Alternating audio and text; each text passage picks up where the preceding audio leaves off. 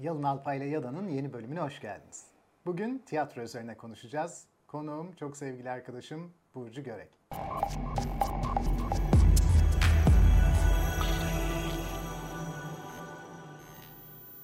Burcu hoş geldin. Hoş bulduk Yalın. Nasılsın? Çok iyiyim. Ben Yani de öyle. Seni görünce harikayım şimdi. Ben de öyle. Seni ödül için kutluyorum.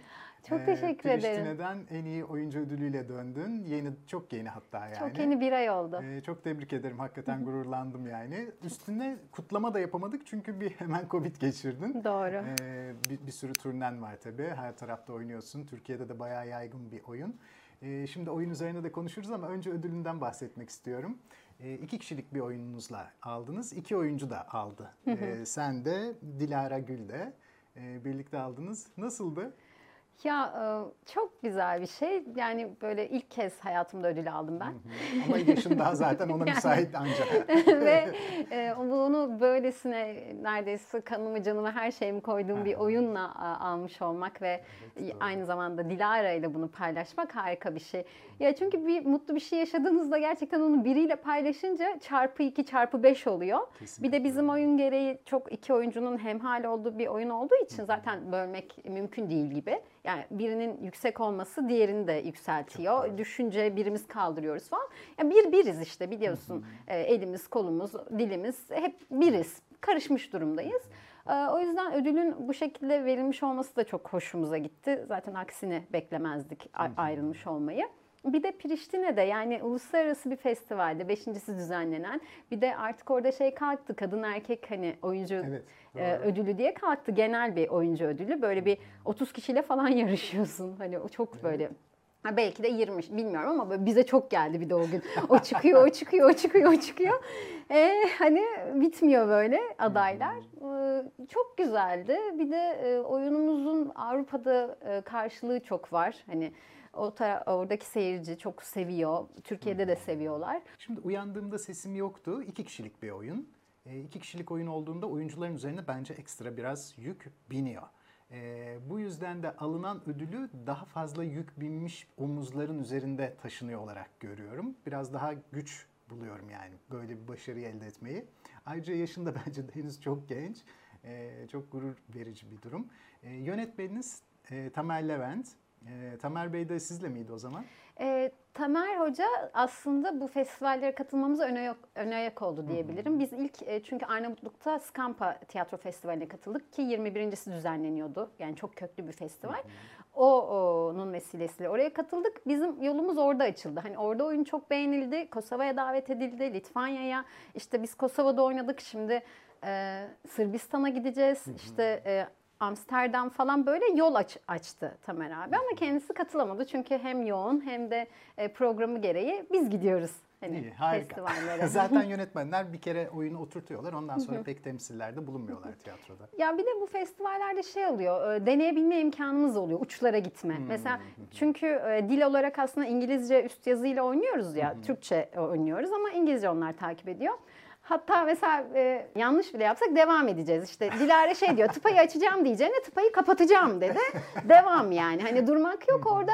E, çok değişik şeyler oluyor. Hani çok çok dile takılmadığımız için tabii ki yani yüzde 99.9 aynısını oynuyoruz ama bazen çok böyle absürt e, kelimeler de ağzımızdan çıkabiliyor.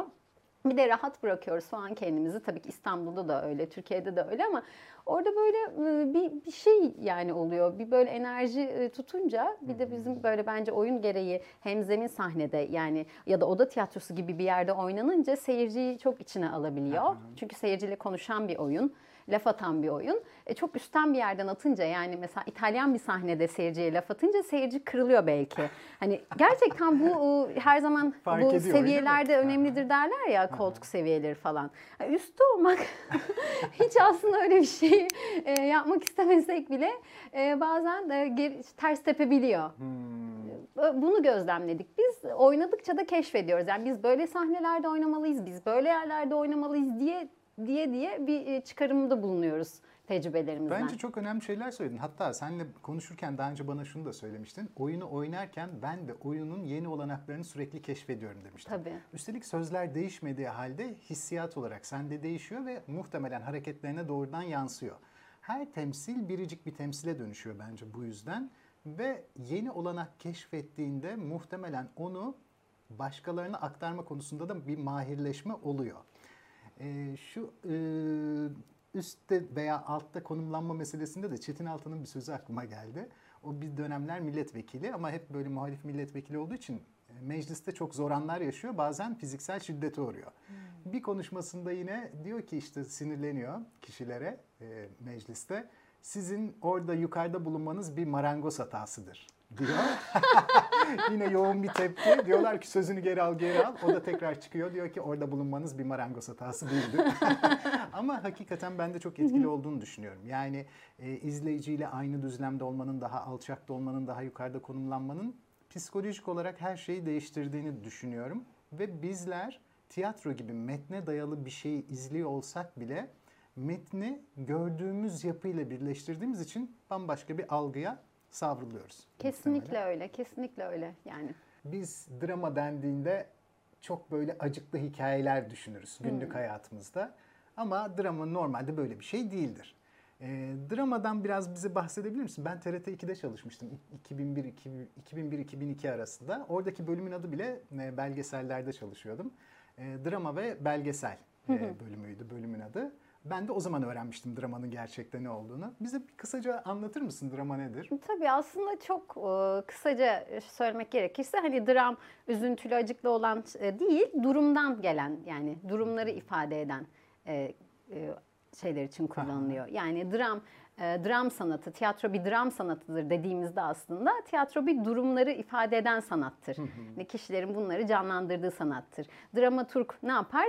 E, durumlaştırır yazılan metni ve onun hani alt metin çözümlemelerini yapar. E, neden bunu yapıyorsuna dair sana bir fikir verir. Mesela bizim Frankenstein e, oyununda e, dramaturgumuz Selen Birkiye Hanım yani her şeyi böyle açıkladı. Çünkü belli bir dönemde yazılmış bir oyun ve bizim e, şu anki okumamızla belki e, çok fazla okuma yapmamız gerekecek anlayabilmemiz için. Dramaturg gelip hani burada bu bunun için yazıldı dediğinde bayağı bir e, oyuncuya da yol açıyor. Hani zaten dramaturgla yönetmenin ayrı bir çalışması oluyor ama oyuncunun da bilmesi gereken çok şey var. Hani bunu niye söylüyorum? ma dair bir fikriniz olunca bambaşka söylüyorsunuz. Yani özellikle dram ve dramı hani durum olarak ele aldığımızda e, dramaturgla bir metin çalışıldığında, durumların e, çözümlendiği bir şekilde e, çalışıldığında çok daha e, açıklayıcı bence olarak sahneleyebiliyoruz evet, birçok şeyi. Yani hani dediğimiz gibi e, seyirci o zaman izleyince e, başında bunu diyordu. Şimdi niye böyle diyor? O kar, kargaşası yaşanmamış oluyor. Daha net olmuş oluyoruz. Hatta bizde böyle senaryo okulları uzun süre yoktu. Şimdi var mı bilmiyorum. Belki şimdi açılmıştır artık ama yurt dışında doktora programları bile var. Ee, bizde senaryo bölümü olmadığı için senaryo yazımlarını da dramaturglar üstlendi uzun yıllar boyunca. Ya alaylı oluyorlardı ya dramaturg oluyorlardı. Dolayısıyla tiyatronun dışına da taşmışlardı. Yani bizim e, televizyonda, sinemada oldukça senaryoları üstlenmişlerdi. Peki Burcu, sence tiyatroda senaryo işin yüzde kaçına denk gelir? Ya öyle bir şey olur ki bence hmm, Yalın. Bir cümlem vardır. Onun üzerinden bir saat dansla kendini ifade edebilirsin. Hmm. Hani nasıl bir tiyatro yapacağınla ilgili. Hani fiziksel tiyatro yapacaksın. Belki bir cümleyle bir şeye hayır. Hani işte hmm. kadına şiddete hayır diyeceksin. Bunu sözsüz bile yapabilirsin. Yani tiyatro bu imkanı verir. Ee, ya da e, biraz bence şey tarzla ilgili. Hani klasik bir şey yapmak istiyorsan e tabii yani ya da işte modern bir şey yapmak istiyorsan e, o yüzden ama eğer söz kullanıyorsan zaten e, bütün karakterlerinin o sözü söylemesinin bir nedeni olmalı. Yani o sözü çıkardığında şey değişmeli. Yani gidişat değişmeli. Değişmiyorsa zaten konuşmasın. Bizde de öyle. Zaten ya dil denen saçmalık yani artık bir saçmalık bir hal almaya başladı ya bu konuşma halimiz. yani tiyatroda da aslında bu kadar e, yazarın keskin olması gerekiyor. Belki de hiç konuşmayacaklar. Gerek yoksa konuşmasınlar. Ama konuşacaklarsa dişe dokunsun. Bir ifade, bir şey ifade etsin, bir çatışma yaratsın, bizi bir yere götürsün. Yani bir şey anlatsın. Yani o yüzden müthiş Çok önemli. Çok güzel şeyler söyledin. Bak aklıma şunu getirdi söylediklerin. Şimdi tarihin belli bir dönemine kadar tiyatro sahne sanatları arasında lider. Ve o liderlik içinde bir klasik bir yapısı var. O klasik yapı izleyiciye çok çabuk nüfuz edebiliyor Olayların ne olduğunu net bir şekilde anlıyoruz. Nasıl başladığını anlıyoruz. Taraflar çok keskin. iyi çok iyi, kötü çok kötü. Her şey böyle çok net. İzleyen her şeyi basitçe algılayabiliyor. Vakit ilerledikçe içi, işin içine müzik giriyor, temsili değerler giriyor, soyutlamalar giriyor. Birazcık izleyici meseleye angaja olmakta zorlanmaya başlıyor. Kendisini de çabalaması gerekiyor. Öyle sanıyorum ki moderniteden sonra postmodernite ile beraber bu iş birazcık çığırından da çıkmaya başlıyor. Çünkü arka dekorlar da artık soyutlanmaya başlıyor. İzleyici bir miktar kendi içinde kaybolur gibi bir eğilime düşüyor. Artık çok daha dikkatli izlemeli ve kendi yorumu oyunun ne olduğuna dair ana belki de aksı oluşturacak kişiye dönüşüyor. Ee, şimdi böyle bir yapıda sanırım artık konuşmamak daha mümkün oluyor. Peki Burcu şunu soracağım burada. Klasik anlatıdan uzaklaşıldıkça izleyicinin bu kaybolma riskini kendi içinde arttırması size olan e, eleştirilerde kendisini nasıl gösteriyor? Ya en basitinden anlaşılmada bir problem yaşanıyor. Yani siz bir şey ortaya koyuyorsunuz. Herkesin tabii anladığı farklı. Ee, anlaşılmayınca şöyle bir tehlike olabiliyor. Bu ne biçim iş gibi bir yaklaşım. O çok e, kırıcı ve tehlikeli. Yani bilmeyen ya da ya hiç çaba göstermeyen bunun ne olduğuna dair e, birazcık böyle bakılmayan bir insanın hemen yaftası geliyor. Ne böyle iş mi olur gibi. Yani tabii e, ciddiye alınacak bir tarafı yok bunun bence. Çünkü e, dayanağı yok. Yani ben de her şey için, anlamadığım her şey için böyle iş mi olur diyebilirim. Ama bu benim ne kadar bence aptal olduğumu gösterir. Yani böyle bir şey yapmam. Hani o onlar biraz ama tabii biz oyuncu olarak çok kırılgan insanlarız. Yani şak diye böyle şeyler duyunca bir an yaralanıyoruz ama sonra tabii zaman içinde yani bu asıl bunlar bunları da önemsemeliyiz belki. Aslında önemsemeliyiz. Ama bir yandan da e, yapacak bir şey yok diyoruz. Ben tabii eleştirirken iyileri de kastettim. Tabii, Hepsini toptan kastettim. Tabii ben e, direkt kötüyü söyledim. İyiler zaten iyi. iyi olarak da herkesin yani mesela bizim oyun özelinde söyleyeyim. Öyle güzel yazılar yazılıyor ki oyunla ilgili. Ya biz hiç böyle düşünmemiştik. Doğru bir de bu taraftan yani öyle bir taraftan bakıyor ki insanlar bu yazılarda ya da bize öyle yorumlar yapıyorlar ki evet evet doğru e, çok doğru böyle de düşünülebilir e, diye bizi düşündürüyorlar. Öyle bir şey görüyorlar ki izlerken buna yol açıyor. Bir de e, bu arada sen konuşurken yani pandemi bile bu arada şeyi değiştirdi. Hani o klasik e, anlatımdan işte modern anlatımlar daha kısa belki daha kısa süreli tiyatrolar işte bir sürü belki sesin, görüntünün kullanıldığı ya da dinamik yapıda oyunlar pandemiyle birlikte de biraz aslında daha rövaşta oldu. Çünkü insanlar şey soruyor kaç dakika? Hani o maskeyle kaç hmm. dakika? Nefes almayı kendime zorlayacağım diye aslında bir anda soru soru bu. Yani. Evet yani e, iki saatlik, üç saatlik şahane tiyatrolar var. Ancak e, daha çok tercih edilenler böyle tek perde, bir saat. Hmm. Hani izleyeyim, alacağımı alayım.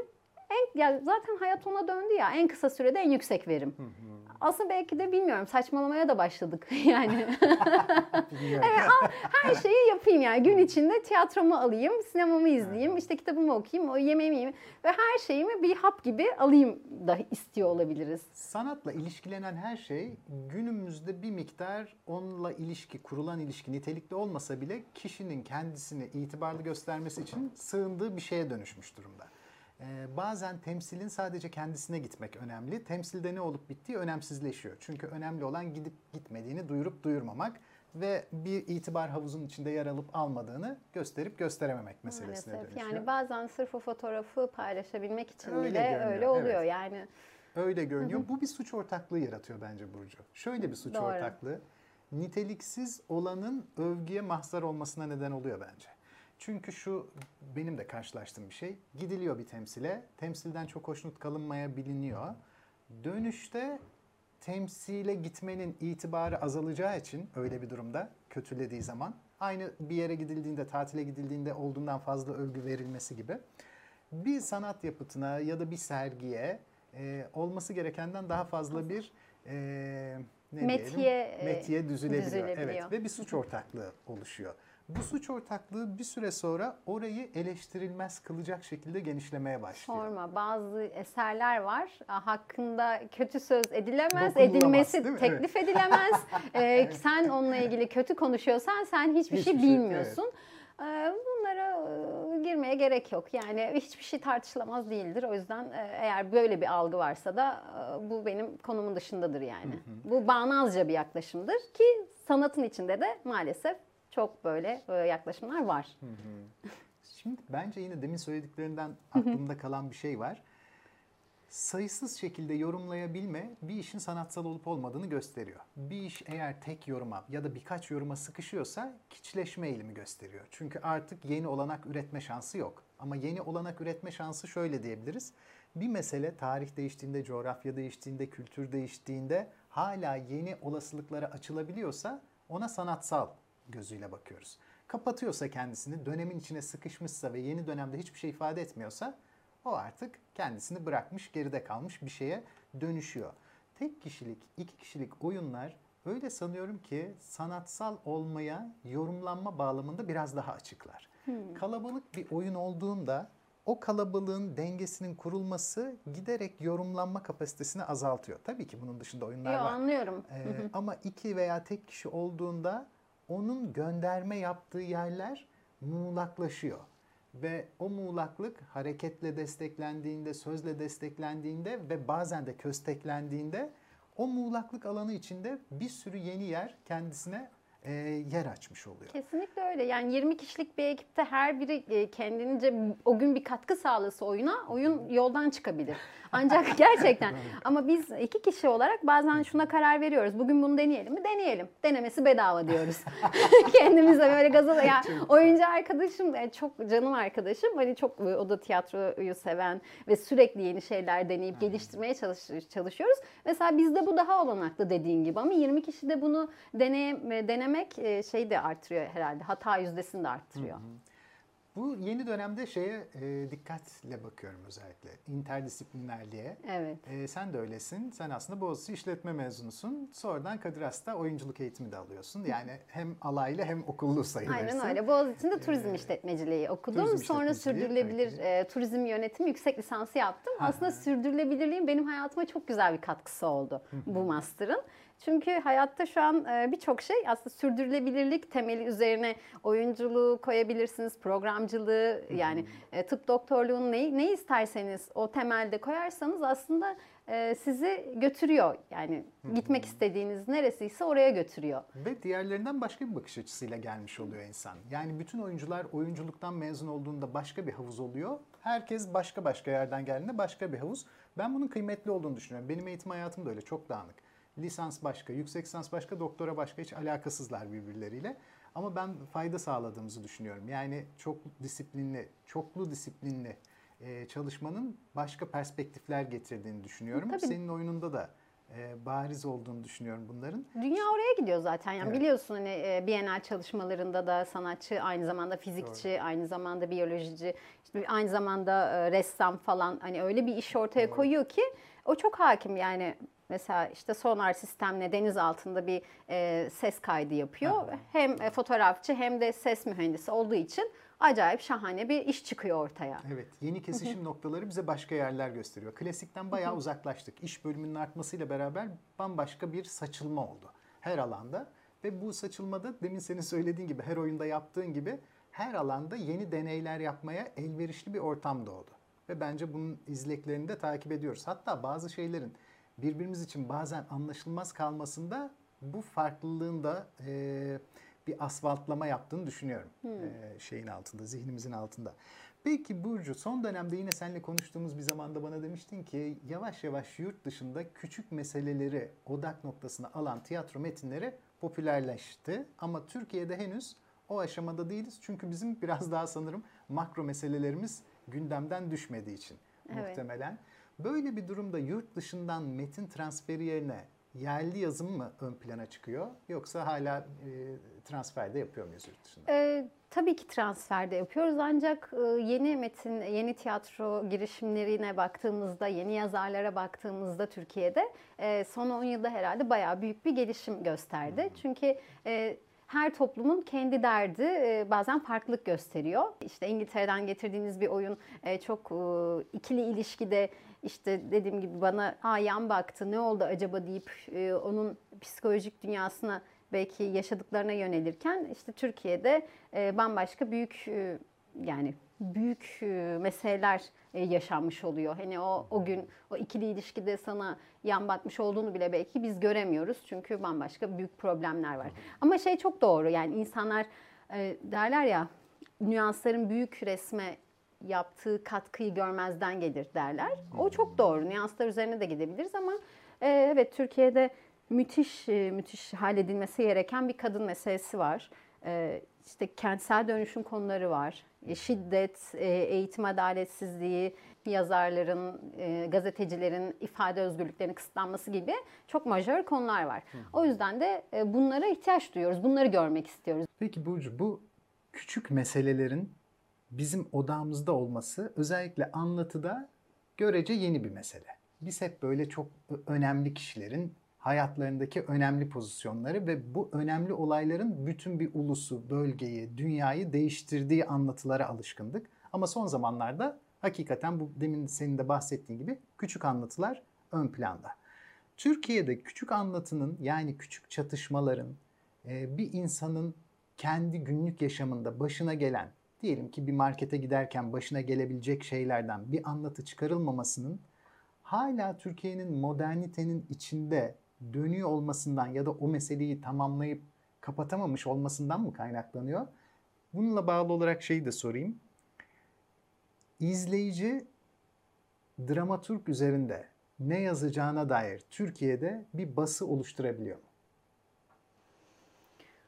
Oluşturabiliyor yani çünkü izleyicinin şeye bak yani çünkü her sezon bazı oyunları seyirci çok sahipleniyor. Ona baktığınızda aslında en fazla dertli olduğumuz konuları belki sahipleniyor seyirci. Eğer e, dramaturg burada yazar olarak mı ele alıyoruz? Yazar olarak. Ha, yazar olarak ele aldığımızda e, ya ben zaten şunu gözlemliyorum Yalın. Ben de yazıyorum. Hı hı. Aa bakıyorum benim yazma benzer bir iş yazıldı yapılıyor falan. Hmm. Demek ki zaten bir hani ortak Çağın bir bilinç halinde e, benzer şeyleri düşünüyoruz. O yüzden e, hani seyirci mi dramaturgu etkiliyor, dramaturg mu seyirciyi etkiliyor gibi. Sen bunu sormadın gerçi. Yo, yo, hani bunu ben sordum ha, aslında. bunu mu sordun? Şuraya getirmek Hı. istemiştim. Aslında tam bunu sordum. Sen daha iyi ifade ettin hatta. Şunu ben çok basite indirgedim. Ama doğru doğru olan oydu. Demek istemiştim ki metinler arası ilişkilerle mi Türkiye'de tiyatro yazılıyor? Yani dramaturg bir sürü metne bakıyor e, toplumdan görece kopuk metinler arası ilişki kurarak mı yazıyor?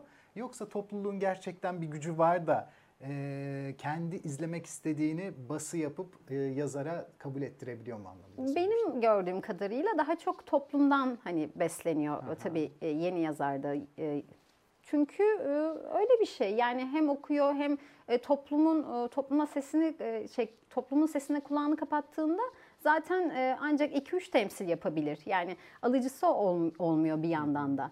O yüzden e, ta, çoğunlukla şeyle alakalı, toplumla alakalı şeyler e, sahneleniyor. Ve e, bazı oyunlar hani bazı dönem çok tutar. E, şey klasik bile olsa bir dönem işte Ibsen halk düşmanı belki çok oynanır. Bir sürü tiyatro onu oynar. İşte sana dediğim gibi şu anda bir sürü kadın oyunu var. Küvetli kadın oyunu var. Yani hani küvetteki gelinler yani. olmuş bizden sonra falan. Hani benzer konular işleniyor. Kadına şiddet, kadın cinayeti, kadının uğradığı baskı vesaire gibi. Mesela şu anda bunların işlendiği oyunlar ağırlıkta. Belki iki sene sonra ne olacak? İşte teknoloji, insan, kopukluk belki onlar ya da bambaşka bir şey daha gündemde olacak. Çok güzel açıkladın. İyi. Uyandığımda sesim yok diye herkesi davet ediyorum evet. ben de. Seni canlı performansında görmelerini çok istiyorum. Çok teşekkür ederim. Ben teşekkür ederim tekrar geldiğin için Burcu. Bu hafta Burcu Görek'leydik. Önümüzdeki hafta yine başka bir konu, başka bir konukla Yalın Alpay'da ya da da beraberiz.